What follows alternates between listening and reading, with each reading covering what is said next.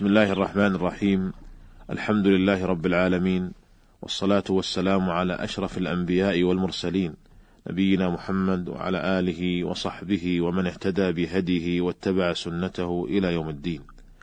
أيها الإخوة المستمعون السلام عليكم ورحمة الله وبركاته. تحدثنا في الحلقة السابقة عن جملة من أحكام الحيض، ووعدنا باستكمال الحديث عنها في هذه الحلقة. فنقول من هذه الأحكام أنه يحرم على الحائض أن تمكث في المسجد. لحديث أم عطية رضي الله عنها أنها سمعت النبي صلى الله عليه وسلم يقول يخرج العواتق وذوات الخدور والحيض وفيه يعتزل الحيض المصلى. متفق عليه. ويدل لذلك أيضا ما جاء في صحيح مسلم. عن أبي هريرة رضي الله عنه قال بينما رسول الله صلى الله عليه وسلم في المسجد قال يا عائشة ناوليني الثوب فقالت إني حائض. فقال إن حيضتك ليست في يدك. فناولته. فظاهر هذا أن عائشة رضي الله عنها امتنعت أولا من المناولة لأنه كان متقررا عند الصحابة أن دخول الحائض للمسجد ممنوع منه. فأخبرها النبي صلى الله عليه وسلم أن إدخال اليد في المسجد ليس ممنوعا منه. ومن أحكام الحيض أن الحائض يحرم على زوجها أن يجامعها ويحرم عليها تمكينه من ذلك. لقول الله عز وجل ويسألونك عن المحيض قل هو أذى فاعتزلوا النساء في المحيض ولا تقربوهن حتى يطهرن. والمراد بالمحيض زمان الحيض ومكانه وهو الفرج. ولقول النبي صلى الله عليه وسلم اصنعوا كل شيء إلا النكاح يعني الجماع. رواه مسلم. وقد أجمع المسلمون على تحريم وطئ الحائض في فرجها. فلا يحل لامرئ يؤمن بالله واليوم الآخر أن يقدم على هذا الأمر المنكر الذي قد دل على المنع منه كتاب الله وسنة رسول الله صلى الله عليه وسلم وإجماع المسلمين. ومن فعل ذلك فإنه يكون قد ارتكب كبيرة من كبائر الذنوب. قال الشافعي من فعل ذلك فقد أتى كبيرة. قال النووي رحمه الله قال أصحابنا وغيرهم من استحل وطأ الحائض حكم بكفره. وقد أبيح له ولله الحمد ما يكسر به شهوته دون الجماع كالقبلة والمباشرة فيما دون الفرج ونحو ذلك. ولكن الأولى ألا يباشر فيما دون السرة والركبة إلا من وراء حائل. لقول عائشة رضي الله عنها كان النبي صلى الله عليه وسلم يأمرني فأعتذر فيباشرني وأنا حائض. متفق عليه. ومن عصى الله تعالى بجماع زوجته وهي حائض فيجب عليه أن يتصدق بدينار أو نصف دينار. لحديث ابن عباس رضي الله عنهما. أن النبي صلى الله عليه وسلم قال في الذي يأتي امرأته وهي حائض قال يتصدق بدينار أو نصف دينار. أخرجه أبو داود والترمذي والنسائي وابن ماجه والحاكم والبيهقي وقال أحمد ما أحسنه من حديث. وقال أبو داود لما رواه هذه هي الرواية الصحيحة.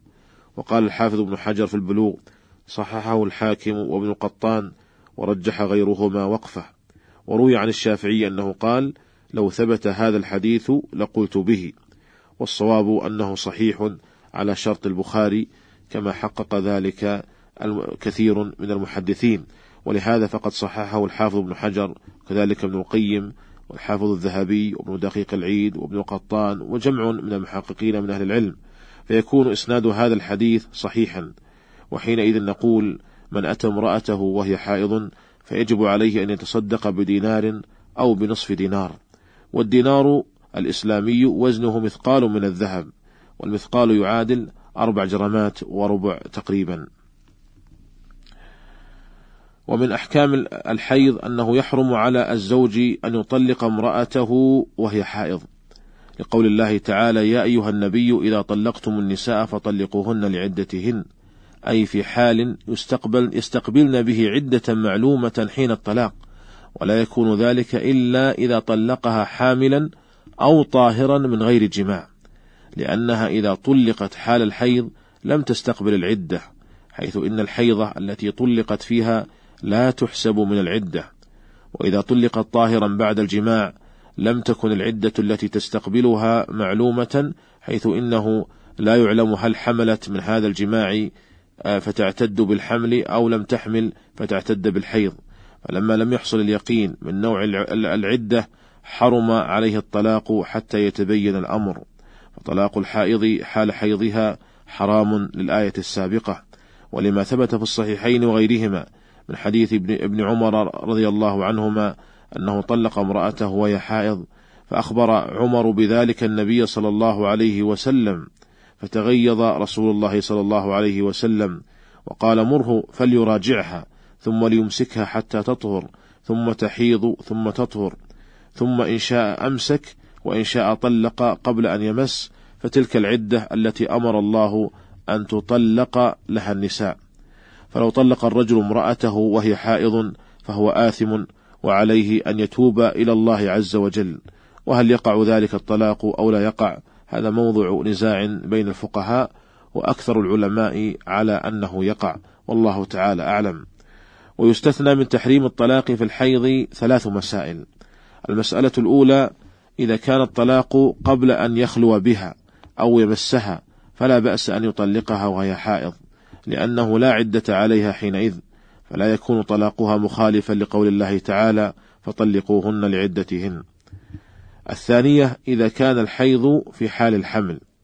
الثالثة إذا كان الطلاق على عوض فإنه لا بأس أن يطلقها وهي حائض مثل أن يكون بين الزوجين نزاع وسوء عشرة فيأخذ الزوج عوضا ليطلقها. فيجوز ولو كانت حائضا. لحديث ابن عباس رضي الله عنهما أن امرأة ثابت بن قيس جاءت إلى النبي صلى الله عليه وسلم فقالت يا رسول الله إني ما أعتب عليه في خلق ولا دين ولكني أكره الكفر في الإسلام. فقال النبي صلى الله عليه وسلم أتردين عليه حديقته؟ قالت نعم. فقال رسول الله صلى الله عليه وسلم اقبل الحديقة وطلقها تطليقة. أخرجه البخاري في صحيحه. ولم يسأل النبي صلى الله عليه وسلم هل كانت حائضا أو طاهرة ولأن هذا الطلاق افتداء من المرأة عن نفسها فجاز عند الحاجة إليه على أي حال كان. قال الموفق بن قدامة رحمه الله في كتابه المغني معللا جواز الخلع حال الحيض. قال لأن المنع من الطلاق في الحيض من أجل الضرر الذي يلحقها بطول العد العدة والخلع لإزالة الضرر الذي يلحقها بسوء العشرة والمقام والمقام مع من تكرهه وتبغضه. وذلك أعظم من ضرر طول العدة فجاز دفع أعلاهما بأدناهما. ولهذا لم يسأل النبي صلى الله عليه وسلم المختلعة عن حالها. انتهى كلامه رحمه الله. وأما عقد النكاح على المرأة وهي حائض فلا بأس به لأن الأصل الحل ولا دليل على المنع. ولكن إدخال الزوج عليها وهي حائض ينظر فيه فإن كان يؤمن من أن يطأها فلا بأس. وإلا فلا يدخل عليها حتى تطهر خوفا من الوقوع في الممنوع. ومن أحكام الحائض أن الرجل إذا طلق زوجته بعد أن مسها أو خلا بها وجب عليها أن تعتد بثلاث حيض كاملة إن كانت من ذوات الحيض ولم تكن حاملا. لقول الله تعالى والمطلقات يتربصن بأنفسهن ثلاثة قروء أي ثلاث حيض فإن كانت حاملا فعدتها إلى وضع الحمل كله سواء طالت المدة أو قصرت. قول الله تعالى وولاة الأحمال أجلهن أن يضعن حملهن. وإن كانت من غير ذوات الحيض كالصغيرة التي لم, يد لم يبدأ بها الحيض والآيسة من الحيض لكبر أو عملية استؤصلت بها رحمها أو غير ذلك مما لا ترجو معه رجوع الحيض فعدتها ثلاثة أشهر. لقول الله تعالى واللائي يئسن من المحيض من نسائكم إن ارتبتم فعدتهن ثلاثة أشهر واللائي لم يحضن. وإذا كانت من ذوات الحيض ولكن ارتفع حيضها لسبب معلوم كالمرض والرضاع فإنها تبقى في العدة وإن طالت المدة حتى يعود الحيض فتعتد به. فإن زال السبب ولم يعد الحيض بأن برأت من المرض أو انتهت من الرضاع. وبقي الحيض مرتفعا فإنها تعتد بسنة كاملة من زوال السبب. وهذا هو القول الصحيح في المسألة الذي ينطبق على القواعد الشرعية فإنه إذا زال السبب ولم يعد الحيض صارت كمن ارتفع حيضها لغير سبب معلوم. وإذا ارتفع حيضها لغير سبب معلوم فإنها تعتد بسنة كاملة تسعة أشهر للحمل احتياطا لأنها غالب الحمل وثلاثة أشهر للعدة. أما إن كان الطلاق بعد العقد وقبل المسيس والخلوة فليس فيه عدة إطلاقا لا بحيض ولا بغيره. لقول الله عز وجل يا أيها الذين آمنوا إذا نكحتم المؤمنات ثم طلقتموهن من قبل أن تمسوهن فما لكم عليهن من عدة تعتدونها. وبناء على ذلك من عقد على امرأة ثم طلقها من غير أن يخلو بها.